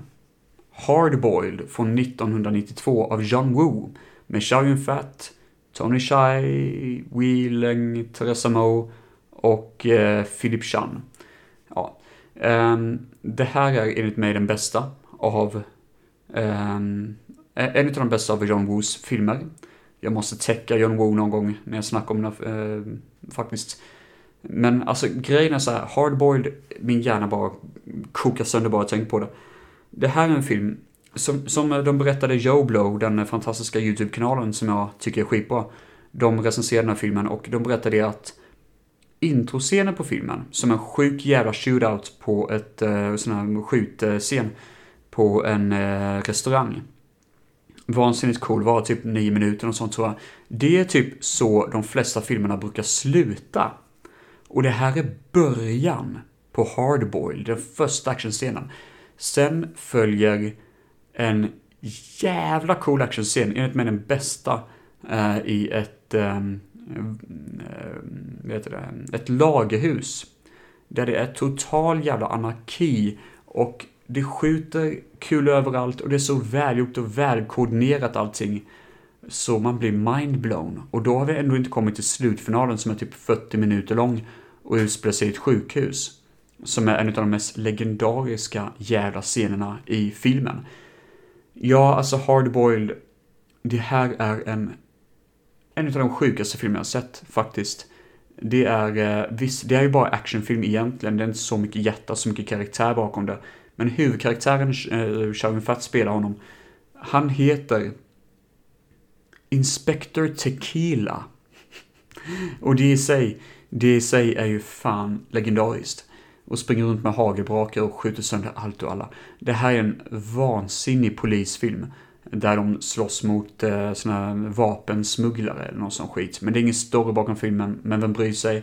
Det är actionscener som är så otroligt välgjorda att jag kan inte hitta orden för det. Det här är utan tvekan en av John Woos bästa filmer. På nummer 19 hittar vi en film som heter Till världens ände, även känd som Until the End of the World, eh, från 1991. Metascore 63. Och eh, den är gjord av Wim Wenders, som är en klassisk sån här typ finsmakar-regissör. Han har bland annat gjort Paris, Texas, som är jävligt bra. Men det är typ bara slutet av filmen som faktiskt är bra, för jag tycker filmen är lite för långsam. Den här filmen har William Hurt, Solvig de Martin, eh, bland annat, och eh, eh, Max von Sydow är det. Eh, den versionen jag har sett är typ lite över två timmar, men den versionen man egentligen ska se närmar sig tre timmar, typ. I alla fall. 1999 utspelar sig, det är då framtiden enligt den här filmen. Och ehm, hon, ja, det är en tjej som heter Claire som eh, råkar ut för en bilolycka. Och eh, det är inga större konstigheter med den här bilolyckan egentligen, men tack vare det så kommer hon få mm, en gigantisk säck med pengar. Och bara för att hon ska återbetala det här med pengarna så kommer hon, mm, alltså det är ju rånbyte, det fattar hon ju att det är ju från en bankrån. Och bankrånarna övertalar henne att hon ska smuggla pengarna till, ja, mm, ett annat land då helt enkelt liksom. Um, och eh, då får hon ta en stor del av bytet. Så hon bestämmer sig och, ja, hon håller med, eh, alltså, håller med om detta. De har lagt en tracer, en sån här eh, hemlig spårarmanik i hennes väska utifall att hon skulle försöka gå emot dem. Men hon åker till ett annat land och där träffar hon på helt plötsligt en karaktär som eh, ehm, heter Sam. Och Sam jagas av polisen av olika anledningar. Han får veta att hon har pengar, han snor pengarna utav henne. Men hon blir så jävla intresserad av Sam och tycker faktiskt om Sam och får nästan en relation med Sam. Och bestämmer sig då att hon ska följa efter honom. Så hon åker med, med sitt stöldgods då världen över till olika nationer och letar efter Sam. Och hennes egna pojkvän då, eller ex-pojkvän Eugene, som spelas av eh, Sam Neill är det. Han eh, kan inte riktigt acceptera att hon inte vill vara med honom längre, så han följer efter henne för han är rädd för att den här Sam-karaktären är lite skadlig då. Och eh, samtidigt så är det då att Eh, Det är ju därför den heter Until the End of the World, att det är en liksom, satellit som håller på att balla ut eh, ovanför ytan, ovanför jordens yta. Och eh, håller på att krascha mot planeten typ i stort sett. Det, och de tror att det kan bidra till en stor eh, ja, händelse, en stor negativ händelse på jorden. Så man tror att det är jordens undergång typ. Um, men det tänker inte Claire på för hon har fullt upp med sina pengaproblem. Så det är ganska kul faktiskt hur det här blir en setback, eller en sån här Eh, liksom så, bakgrundsberättelse till vad som hände i filmen.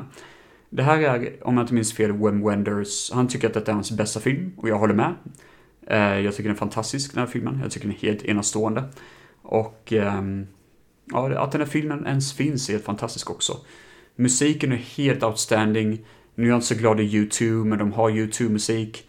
De har eh, musik utav äh, Talking Heads. Det är första gången jag introducerades till deras otroliga låt Sax and Violins. Och filmen ser ut som en Vaporwave-film. Undrar ni vad Vaporwave är för genre, då ska ni se till världens ände. Until the end of the world. För då kommer ni fatta vad jag pratar om. Uh, ja, det, det här är en fin film som alltid ger mig en glad motivation av livsglädje och underbara människor Claire har sån underbar attityd mot allt och alla och man bara känner, fan man önskar att man hade det. Man önskar att man hade den här positiva looken på folk runt omkring sig. På det här varmhjärtliga sättet och ja, det... Man är lite kär i henne, det är man faktiskt. Hon är fantastisk. Mm, synd att så Domartin Martin dog väldigt tidigt, jag för mig hon fick hjärtattacken och sånt. Ah, ja, det var det om den filmen. Nummer 18 på listan blir Hardware från 1990. Den här filmen har jag pratat om så otroligt många gånger så jag kommer inte lägga tid på det igen. Metascore 41. Vad fan. Ah, ja. Okej, okay, det är en mördarrobot som är fast i en lägenhet och jagar efter en kvinna. Så, there it is. Anledningen bakom att jag älskar den här filmen är att den är otroligt billig. Jättebillig är den. Jag tror inte den kostade mer än typ Halloween. Um, jag, jag för mig det, Halloween kostade typ bara en miljon och sånt, vilket var jättelite under 70-talet. Och den här filmen kostar också något sånt. Och eh, Richard Stanley som gjorde filmen, han vet hur man vänder på pengar. Han gjorde en visuellt enastående snygg film. Och eh, det är som en musikvideo, precis som vi pratat om innan, och det är så visuellt snyggt att kolla på. Och det är väldigt likt tv-spelet Fallout. Eh, på ett sätt så det faktiskt blir, eh, inte plagiat, absolut inte, men det, det är verkligen en look som funkar så otroligt bra. Och det var synd med, för han pratade om att han skulle göra en uppföljare till den här filmen, men det blev aldrig av. Och nu har han ju lite problem med MeToo också. Um, jag kommer inte gå in så mycket på det, ni kan googla det själva, men han har själv sagt att han är oskyldig. Jag tror faktiskt på honom, för det är en flickvän som han var med, som har antagit då att, som har anklagat honom för att vara eh, en hemsk jävel typ, och misshandlat henne och allt möjligt, och haft våldtäkt med henne. Men eh, enligt hans egna eh, tjej, nuvarande tjej och likadant hans ex-flickvänner som han faktiskt har kontaktat och likadant en massa olika människor som han känner så är det alla som säger att det är faktiskt hon som inte mår bra. Och eh, att eh, han har aldrig misshandlat eller varit svinig mot någon liksom. Han har alltid varit en godhjärtad person. Och han känns som en sån människa som genuint inte, jag tror inte han har så mycket hat i sig. Jag tror, jag tror faktiskt inte det. Han känns intensiv, visst, men jag tror inte han har så mycket negativ på det sättet. Jag tror han är ganska mer inåtvänd som negativ. Eh, som, som en negativ personlighet. Nej men skitsamma. Eh, hardware, jättebra. Visuell, fantastisk film. Man ska se den på VHS. Det är fan en upplevelse i sig. Uh, ja, that's it. Nummer 17, Big Trouble in Little China från 1986 av John Carpenter. Uh, här har vi en fin film med Kurt Russell, Kim Cattrall, Dennis Dunn och James Hong. Och uh, jag kommer täcka det här i ett eget avsnitt. Jag känner att avsnittet i sig, som jag gör just nu, uh, går för långt och jag ser det att det är många på, här i hallen här som rör sig väldigt mycket oroligt och vill lämna lokalen.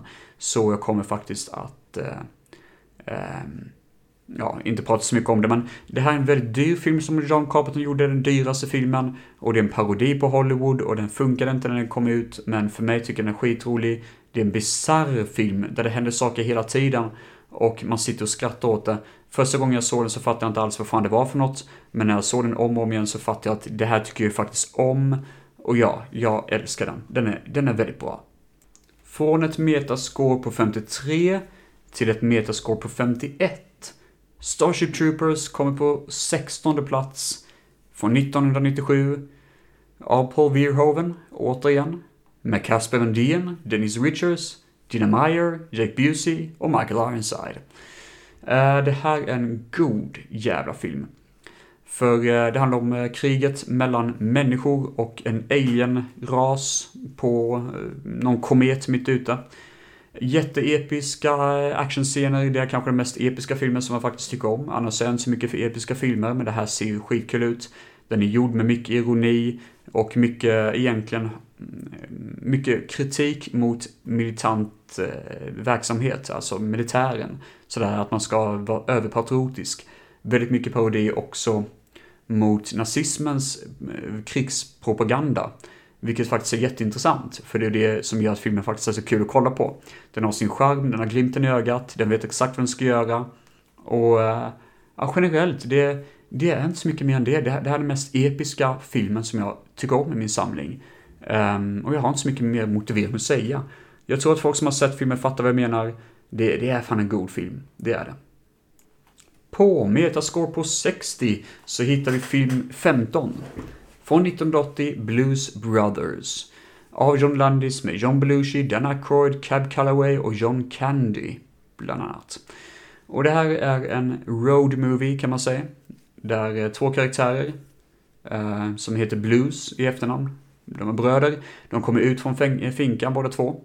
Och de har inga pengar, men helt plötsligt så får en av dem en idé om att de ska starta ett gammalt band tillsammans. Och de ska åka runt omkring till olika ställen i USA och få det gamla bandmedlemmarna att komma tillbaka igen. Det blir mycket mu musikshower, det blir mycket sådana här musikelement i det hela.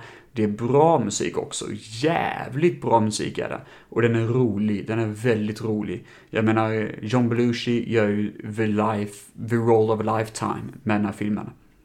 Eh, den är ganska lång, men det spelar inte så stor roll. Den ligger lite över två timmar, men fan jag gillar den här filmen. Den är pumpad med energi och positivitet och jag är bara glad efter att ha sett den. Blues Brothers. Nummer 14 på listan. Med metascore av 90. Jävlar, jag tror inte det hade så jäkla bra metascore. Fy fan vad sjukt. Regissören är Don Siegel och Clint Eastwood. Och med i filmen har vi Clint Eastwood, Andrew Robinson, Harry Guardino och Rennie Santino. Santoni, sorry. Uh, Dirty Harry från 1971.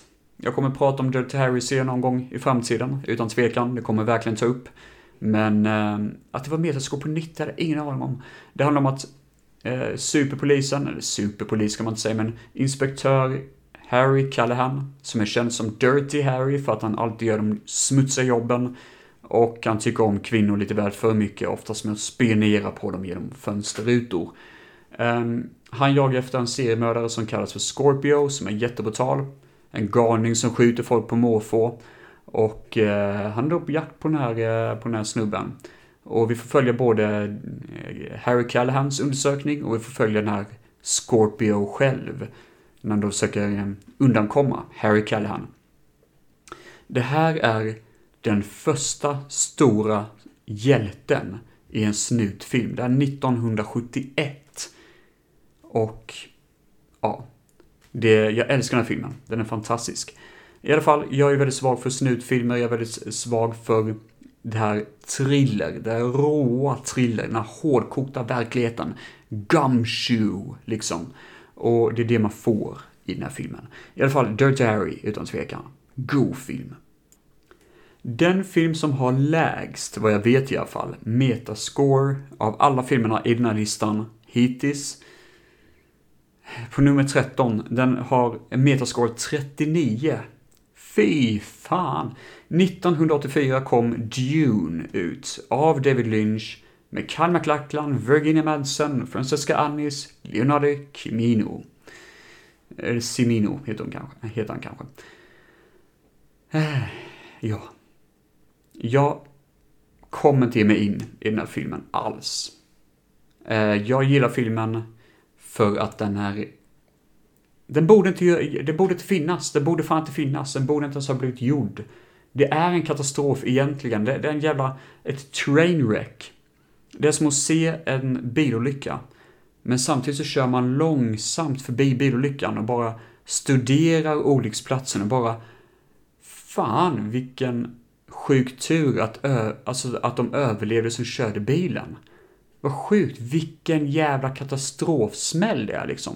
Tänk dig att de som överlevde den här smällen kan gå vidare från det här med deras liv i behåll och bara säga jag var med om en fet bilolycka, jag var centimeter från att dö och det ändrade mitt liv för alltid. Lite så är det med Dune. Det är en olycka, en hemsk olycka, men samtidigt så otroligt mäktigt på ett sätt. Det... Ja, jag kan, jag, jag kan, inte, jag, jag, kan inte ens prata om den egentligen. Jag ser verkligen fram emot att se den nya Dune när den kommer ut i år. Det gör jag verkligen. Men innan dess, Dune från 1984. Jag har till och med en poster på den här filmen. Så mycket jag gillar Dune. Oh, Lord. Ännu en film av David Lynch som jag har på min favoritlista. Det är fan mycket Lynch nu alltså. Det är eh, Wild at Heart från 1990. Den är med nu på plats 12, 52 på Metascore. Med Nicolas Cage i rollen, Laura Dern, William Defoe och J.E. Freeman, vem det nu än är. Handlar om ett kärlekspar, Sailor och Lula, som eh, bestämmer sig att gå iväg på en roadtrip, en lång roadtrip och fly. För att Lulas onda morsa hatar Sailor och försöker till och med ta fast honom genom att iscensätta ett mord han inte har begått. Så det är en roadmovie och det är mycket kärlek och hemska, märkliga karaktärer. Men det är, ändå, det är ändå fint, det är ändå ett hjärta i det. Och det är det jag gillar med Lynch, för han vet hur han fångar kärlek och lycka. Precis som med Twin Peaks, han gör något bisarrt och märkligt. Men också det här vackra och hjärtskärande. Och det finns något ärligt och fint i det. Det, det, det, det är fan vackert. Och min favoritscen är nog faktiskt det, när de kör en bil och lyssnar på um, um, Wicked Dream. Det är en vacker jävla scen. Mm. Nummer 11 på listan. 1990, återigen Paul Verhoeven, ni vet ju vilken jag pratar om. Metascore 57, vilket fan är en disgrace mot mänskligheten. Jag pratar om Total Recall. Det här är Arnold Schwarzenegger, Sharon Stone, Michael fucking Ironside och Rachel Ticotin. Jag brukar alltid kalla henne för Rachel Nikotin. För jag visste inte vad hon hette. I alla fall, 57 i metascore. Skämtar du med mig? Det är man, man är ju besviken på det. Eh, jag måste snacka om den här filmen helt någon dag, så jag kommer faktiskt inte prata så mycket om den. Men det är en man som visar sig att hans minnen inte är det han tror de är och han måste åka till Mars för att lösa, lösa fallet om vem han egentligen är. Den har mutanter, den har kvinnor med tre bröst. Bara för att liksom. Jätteslafsiga dödsscener. Slafsigt som fan är det. Många coola gadgets. Mycket action. Den har en borrmaskinsmaskin som kör mot Arnold och ska gutta upp den. Den körs av en galen taxichaffis som tydligen har fem ungar han ska mata. Mm, jag vet inte fan varför han nämner det hela tiden. Vi har Michael Ironside som en jävla lönnmördare som var gift med Sharon Stone. Hans karaktär då alltså. Och när han får veta att Sharon Stone har knullat Arnold Schwarzenegger blir han jätteförbannad och han är ute efter Arnold. Arnold får jättemycket sparkar och slag mot skrevet hela, hela tiden. Det, han, han kommer aldrig föda barn igen kan jag säga. Och eh, det är en röd och vacker planet där masten är så otroligt vacker. Och vi har ytterligare en taxichaffis som jag glömde snacka om som heter Johnny Cab. Atomiserad taxibil som eh, sitter på en liten stolpe nästan, bara ett litet huvud typ, eller en överkropp är det. Och eh, kaxar sig om man inte betalar, för då eh, exploderar den här taxin, då blir han fan förbannad. Äh, det, här, det här är vackert. Total Recall, eh, elfte plats. Jag jag är helt slut. Alltså det här är ju helt makalöst bra film. Crème de la crème, utöver Total Recall. Och när jag menar crème de la crème så menar jag det finaste av det finaste. En av de absoluta favoriter. John Carpenter igen, 1981. Metascore 76. Det är eh, oväntat högt ändå. Jag trodde inte det skulle vara så högt. Med Kurt Russell, Liv Cleef, Ernest Borgnine och Donald Pleasence. Någon gång ska jag täcka det här i ett fullt avsnitt jag pratar om flykten från New York mitt hjärta bultar för den här filmen alltså. Eh, underbart vacker film på ett sätt att eh, när man ser den syns som att det här är ju fan otroligt väl filmat. Alltså alla detaljer och så är ju så jäkla välgjort. Det här är en bra film. Eh, och väldigt lågbudget ändå. Eh, New York har blivit en fängelsecell i framtiden och eh, dit kommer Snake Plissken som fånge men han får en chans att överleva om han ska försöka rädda presidenten som råkar befinna sig i fängelset av misstag. Han får 24 timmar på sig att rädda den här eh, presidenten och eh, ta sig från New York levande. Men det är inte så mycket action som man tror, det är mycket mer överlevnadsinstinkt i det hela. Han måste smyga väldigt mycket för annars är han ju fan körd. Och det är mycket den här liksom råheten bakom det. Den här råa miljön. Jag menar, det finns kannibaler som bor i kloakerna och sånt. Och eh, första gången jag såg det så var jag lite besviken på att det inte var mycket action. Men nu tycker jag ändå om att det inte är så mycket action. Jag gillar ändå att det är en sån här eh, hård antihjälte, Snake Plissken då, som måste sättas i, mot ett, det här målet då, mot sin egna vilja, bara för att överleva. Han tycker inte ens om presidenten, han vill bara, han vill bara leva i fred. Men så händer den här situationen och han måste överleva liksom. Och eh, jag gillar det att den är väldigt lågmäld på sätt och vis. Det är inte så stora actiondelar av filmen. Utan det är bara den här nagelbitande eh, känslan och udda karaktärer som man verkligen tycker om. God film.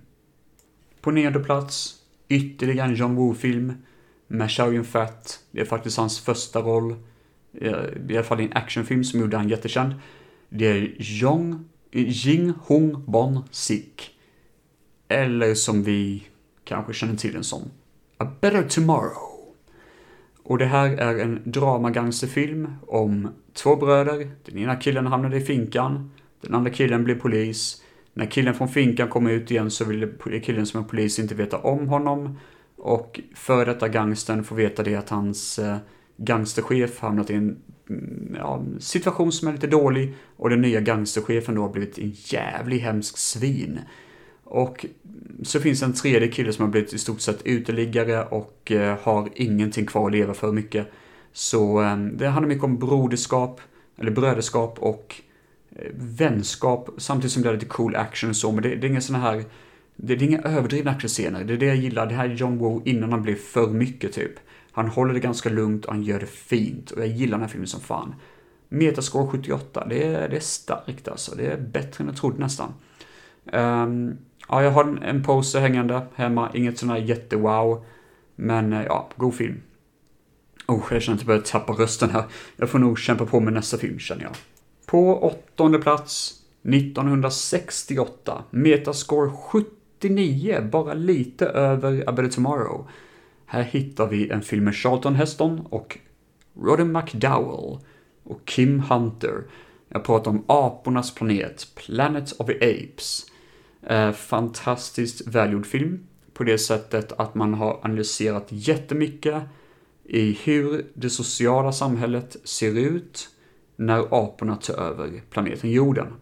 Det är en väldigt väl genomtänkt film, den är jättebra action, men det som verkligen gör att den sticker ut är att den är så otroligt välplanerad och tar sitt tema så otroligt seriöst. Jättebra dialog och ja, det, det är en sån här fascinerande film fascinerande bra film. Um, ja, ja, jag tycker det är en upplevelse att se filmen och det är därför jag tycker om den här filmen, helt enkelt. När många pratar om Nicolas Cage så brukar man säga att han är lite bananas och lite galen, att han kanske inte kan vara sådär skitbra skådis. Men... Vampires Kiss, nej eh, jag skojar bara. På sjunde plats hittar vi Living Las Vegas, Farväl Las Vegas från 1995. Den filmen han faktiskt vann en Oscar. Och det känner ni till, nu som sitter här just nu och kollar på Oscarsgalan. Eh, 82 i Metascore. Drama och romans räknas det som. Nicolas Cage spelar alkoholist, åker till Las Vegas och eh, planerar bara att dricka sig till döds. Han vill ge upp allt i sitt liv. Han vill bara supa ihjäl sig. Han vet inte varför, han bara vill göra det. Han har, han förlorat allt på grund av alkoholismen. Och ehm, då helt plötsligt så blir han vän med en prostituerad som spelas av Elisabeth Shue. Och eh, det, det var ju väldigt sådär, väldigt speciellt att han faktiskt blir vän med henne. Han trodde inte det. Hon försöker få honom att sluta dricka och supa, men han vill inte det. Han säger att du ska fan inte få mig att sluta dricka. Jag har ett mål, och jag kommer göra det här, typ. Um, ja. Det, det, det, är vackert, det är en väldigt, väldigt bra film. Nu börjar jag bli trött på att prata här känner jag. Mm, och jag ber om ursäkt för det, men som sagt var, det, det här är en väldigt bra film. Nicolas Cage gör kanske den bästa prestationen någonsin i hela sin karriär. Och um, Roger Ebert som själv hade varit alkoholist sa ju det att Nicolas Cage, det här är hans Alltså, han har aldrig sett en skådespelare som har gått så långt får verkligen bli alkoholist. Han sa det att det är ju så här världen ser ut för folk som är alkoholister. Så här beter man sig, så här är man. Det är en tung film, det är kanske ingen film man ser många gånger, det är kanske ingen rolig film att se. Men jag gillar den ändå. Jag visste inte att Richard Lewis var med i den här filmen. Det är ju han den här komikern som är med i uh, eh, Simma Lugnt Larry, bland annat. Det är han som spelar, han spelar skurken här för mig också i Robin Hood Men with Tights, eller Men in Tights, som den heter. Vi har även Julian Sands som spelar Warlock i de filmerna, i de två första filmerna i alla fall. Trean kommer vi inte prata om. Ja, men det var väl det om Farväl Las Vegas. Sjätte plats. 1990 kom den. Det här är också en av de mest högst rankade på Metascore. Som jag har i min lista i alla fall. Maffiabröder. Och eh, Martin Scorsese är det som gjort filmen. Robert De Niro, Ray Liotta, Joe Pesci och Lorraine Bracco är med också. Jag är väldigt svag för den här filmen. Jag gillar Casino också, den är jävligt god. Den är, ärligt talat, nu när jag tänker efter så är nog Casino också en favoritfilm egentligen. Men Goodfellas är lite bättre enligt mig. Um, det handlar om uh, Henry Hill. En gangster som, eh, eh, ja, det handlar om hans liv i stort sett. Och hur han jobbade tillsammans med italiensk-amerikanska maffian. Och det är en sån här biografi, så den utspelar sig mestadels hela hans liv, hela hans biografiska liv. Jag behöver egentligen inte berätta så mycket mer om den, för det känns som att alla känner till Maffiabröder. Det är en gangsterfilm, den är väldigt välgjord, väldigt rappt berättad, jättebra klippt. Den är aldrig tråkig och den har ett bildspråk som talar för sig själv. Eh, en film som vissa inte tycker om har fått höra, vissa tycker den är ren jävla skit. Men jag gillar den här filmen jävligt mycket. Jag tycker den är väldigt välgjord och jag gillar Martin Scorseses sätt att berätta film på. Ehm, ja, jag gillar den här filmen. Jag, jag kan inte sätta finger på varför, men jag bara tycker jävligt mycket om den. Jag är svag för gangsterfilm också. Det är, det är kul. Så den är med på listan, utan tvekan. På femte plats. Dark City från 1998 med metascore på 66. Jag har också pratat om den här filmen tidigare, den pratade om nattfilm. Vi har Rufus Sewell, Kiefer Sutherland, Jennifer Connelly, William Hurt i huvudrollerna. Och regisserades av Alex Proyas som gjorde The Crow, som han är mest känd för. Eh, Det handlar om en man som vaknar upp utan minne i ett hotell i en stad utan sol. Och eh, han fattar inte varför det inte är någon sol och folk mm, typ somnar helt plötsligt. Det är som att de somnar i någon typ av eh, liksom eh, trans. Och alla i hela staden somnar förutom då den här mannen. Så han försöker ta reda på vem fan han är, vem hans fru är, han kan inte minnas det heller, och varför han befinner sig i en stad utan sol, som ingen annan vägar, eh, vågar fråga om. Det är som att alla andra som befinner sig i staden inte ifrågasätter någonting. Men han ifrågasätter verkligen allt om den här världen han befinner sig i. Den är väldigt intressant och jag tycker metascore på 66 är alldeles för litet.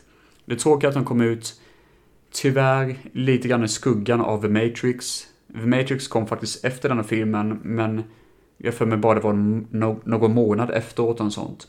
Och den tog ju egentligen eh, liksom världen med storm. Dark City är väldigt lik för Matrix på många sätt och vis, men jag tycker den är bättre på att behålla sig med humaniteten och typ eh, mysteriet mycket bättre än vad The Matrix gör. Men det är min åsikt i alla fall.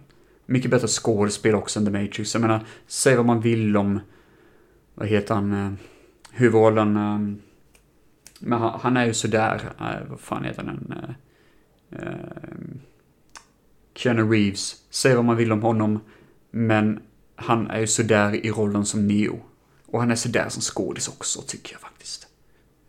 Nummer fyra på listan. Den gode, den onde, den fule från 1980, äh, 1966 med metascore 90. Sjukt att den ligger precis på samma metascore som Maffiabröder. Det är ganska imponerande. Sergio Leone har gjort filmen såklart, Clint Eastwood, Ellie Wallish, Levan Cleef, Aldo Guefre. Jag är ingen sån här jättefan av westernfilmer, men det här är ju en episk film på tre timmar. Jag tycker den är jag tycker den är fantastisk och eh, aldrig tråkig att kolla på. Jag tycker allt är gött. Och det är egentligen som en road movie. Det händer lite olika saker, de försöker ta sig igenom något och komma till nästa problem och så vidare och lösa olika situationer. Um, samtidigt som de letar efter någon typ av skatt, för mig det på en, um, på en eh, begravningsplats, eller begravplats är det. Så de ska försöka ta sig dit, men uh, så är det då att kriget då mellan sydstaterna och sådär ställer till ganska mycket för dem. Ja, jag, det, det, här är en episk film, alla känner till den och det är väl ingen stor överraskning att den är egentligen på min topp 10-lista. Eh, det, det är väl egentligen ingenting som är sådär jätteunikt eller nyskapande med att säga att man älskar den här filmen. Jag är inte så förtjust i Lord of the Rings exempelvis, men det är ju samma sak där, där behöver man inte veta varför. Alltså Lord of the Rings är ju tekniskt sett en bra film, men det, det var ingenting jag var så förtjust i, typ. Fattar ni vad jag tänker? Troligtvis inte, skitsamma. Vi rullar vidare med tredje filmen då, eh, eller plats tre. Eh, The Big Lebowski från 1998 med Metascore 71. De, de menar detta som en spotfilm. Det är fan ingen spotfilm. Det är en komedi. Eh, det är en mm, thriller typ. Thrillerkomedi skulle jag säga. Um, handlar om en kille som är väldigt lat, som heter The Dude, som spelar bowling. Och eh, han blir misstagen för en miljonär som också råkar heta eh, Lebowski. Och det gör att några personer bryter sig in i hans lägenhet, ber om cash och pissar sönder hans matta. Sen så fattar de att det är fel person, så de ger sig därifrån. Så han beger sig till den riktiga killen som är då rik som fan. Den riktiga Lebowski. Och bara, ja alltså, jag vill att du ska ge tillbaka min matta. För någon måste betala för min matta typ, men han får inte, alltså. Saker och ting blir invecklat och helt plötsligt är det en tjej som har blivit kidnappad. Och det, det, caset är i stort sett bara det att han ska försöka hitta tjejen typ. Det, eller, han ska försöka lösa den här kidnappningshistorien. Men i slutändan så vill han bara gå och bovla för han är alldeles för lat för att göra det. Sen har ju sin polare som spelas av John Goodman. Som heter Walter Shibashk eller något sånt. Och han är den vansinnigt mest argaste karaktär man sett på lång tid. Han är jättearg hela tiden och han bara sabbar för sin kompis med att försöka lösa den kidnappningshistorien. Julian Moore med i filmen. Som en eh, karaktär som dottern till den rika Lebowski. Eh, en utav döttrarna för mig. Nej, dottern hade, eh, han hade bara en dotter, just det. Och Steve Buscemi är med i rollen som en karaktär som är väldigt lik mig, som heter Donny. En karaktär som oftast bara mm, kommenterar dumma saker, eller oftast blir liksom förlöjligad av sin omgivning av olika anledningar. Ja, det, det här är en varm film. Eh, verkligen inte för alla, men väldigt kul om man gillar bisarr humor som är lite torrt. För det är en ganska torr film, men det är också det det ska vara. Det är väldigt välskrivet. Och den enda filmen av Coen-bröderna som jag faktiskt tycker väldigt mycket om. Annars är jag inte så mycket för Coen-bröderna. Jag har i och för sig inte sett den här thrillern som man höjer upp till hyarna. Den äh, med en seriemördare som går runt och typ skjuter folk med shotgun tror jag det är. Han har, han har på sig en jätteful frilla. Ja, ni vet, ni vet vilka jag menar. Ja, skitsamma, jag har inte sett den än i alla fall. Tvåa på mina favoritfilmer. Behöver inte stanna vid den särskilt länge. Uh, David Lynch har regisserat den, Isabella Rossellini är med i den, Carl McLachlan, Dennis Hopper och Laura Dern.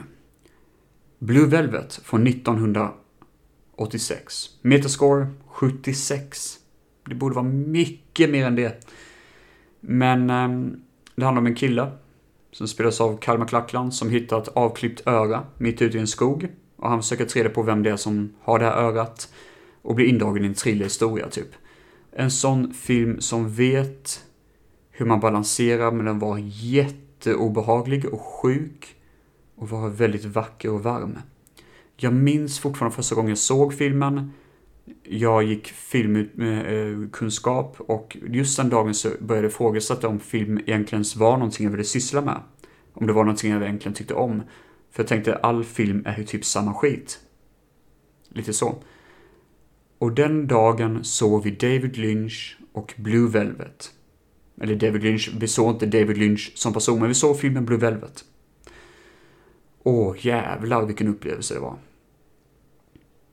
Det, jag visste inte vad jag skulle tillväga, jag hade aldrig sett något liknande. Och då fattade jag att film är någonting man kan dyka djupt in i och hitta nya underbara guldtackor i. Fy fan vad god film det här är. Ja, det här är konstnärligt och vackert och än så länge så är det faktiskt min nummer två favoritfilm of all time i min favoritfilmslista. Så den ligger faktiskt nära hjärtat. Den ligger i hjärtat och i själen. Vill ni lyssna på mer om det så kan ni lyssna på mitt avsnitt om David Lynch, som jag pratat om tidigare, här på Filmfett. Och ni som sitter här just nu som sagt var på Oscarsgalan, ni har säkert sett den. Jag ser Kalmar Klackland sitta där framme. Uh, han, han har inte sett den. Va? Rycker på axlarna. Och gör en sån här uh, hand, uh, ni vet såna handrörelser som att nej, den är okej, okay, typ. Ja, det var ju jävligt besviket. Ja, ja. Nummer ett kommer kanske inte som en stor skillnad eller stor överraskning. En film av Ridley Scott, en regissör jag annars inte tycker om särskilt mycket. Blade Runner från 1982 med metascore 84. Harrison Ford, Rutger Hauer, Sean Young, Edward James Olmos. Ja, oh, den här filmen. Ja, det är min favoritfilm och jag kommer inte ens lägga tanke på det. Det är bara som, det, det här är ett kärleksbrev till mig. Fattar ni? Jag tänker, det är ett kärleksbrev som bara kunde gå ut till vem som helst över hela universum. Och när jag läste det här brevet så bara insåg jag att det här är till mig. Det här är någonting jag behöver i mitt liv. Blade Runner. Och sen dess, It's in my heart. Det är som en 50-talsfilm, en svartvit film jag filmad i färg. Och musiken och kärleken bara öser över mig. Ja, jag, jag vet inte vad jag pratar om. Jag är jävligt trött nu, okej? Okay? Jag är jättetrött just nu. Jag har inte tagit en paus på länge. Och jag behöver fan käka, okej? Okay? Jag, jag gillar filmen. Och fan. Behöver jag säga mer än det? Jag älskar filmen. Vissa filmer tycker man bara jävligt mycket om. Och det ska bara vara där. Och det, det är där. Jag behöver inte förklara mig. Jag är skyldig. Arrest me, officer. Ja, damer och herrar, här på Oscarsgalan. Jag är jätteglad att ni kom hit. Ni som kom hit i alla fall. Jag ser att något av er har somnat. Kanske till och med dött, jag vet faktiskt inte.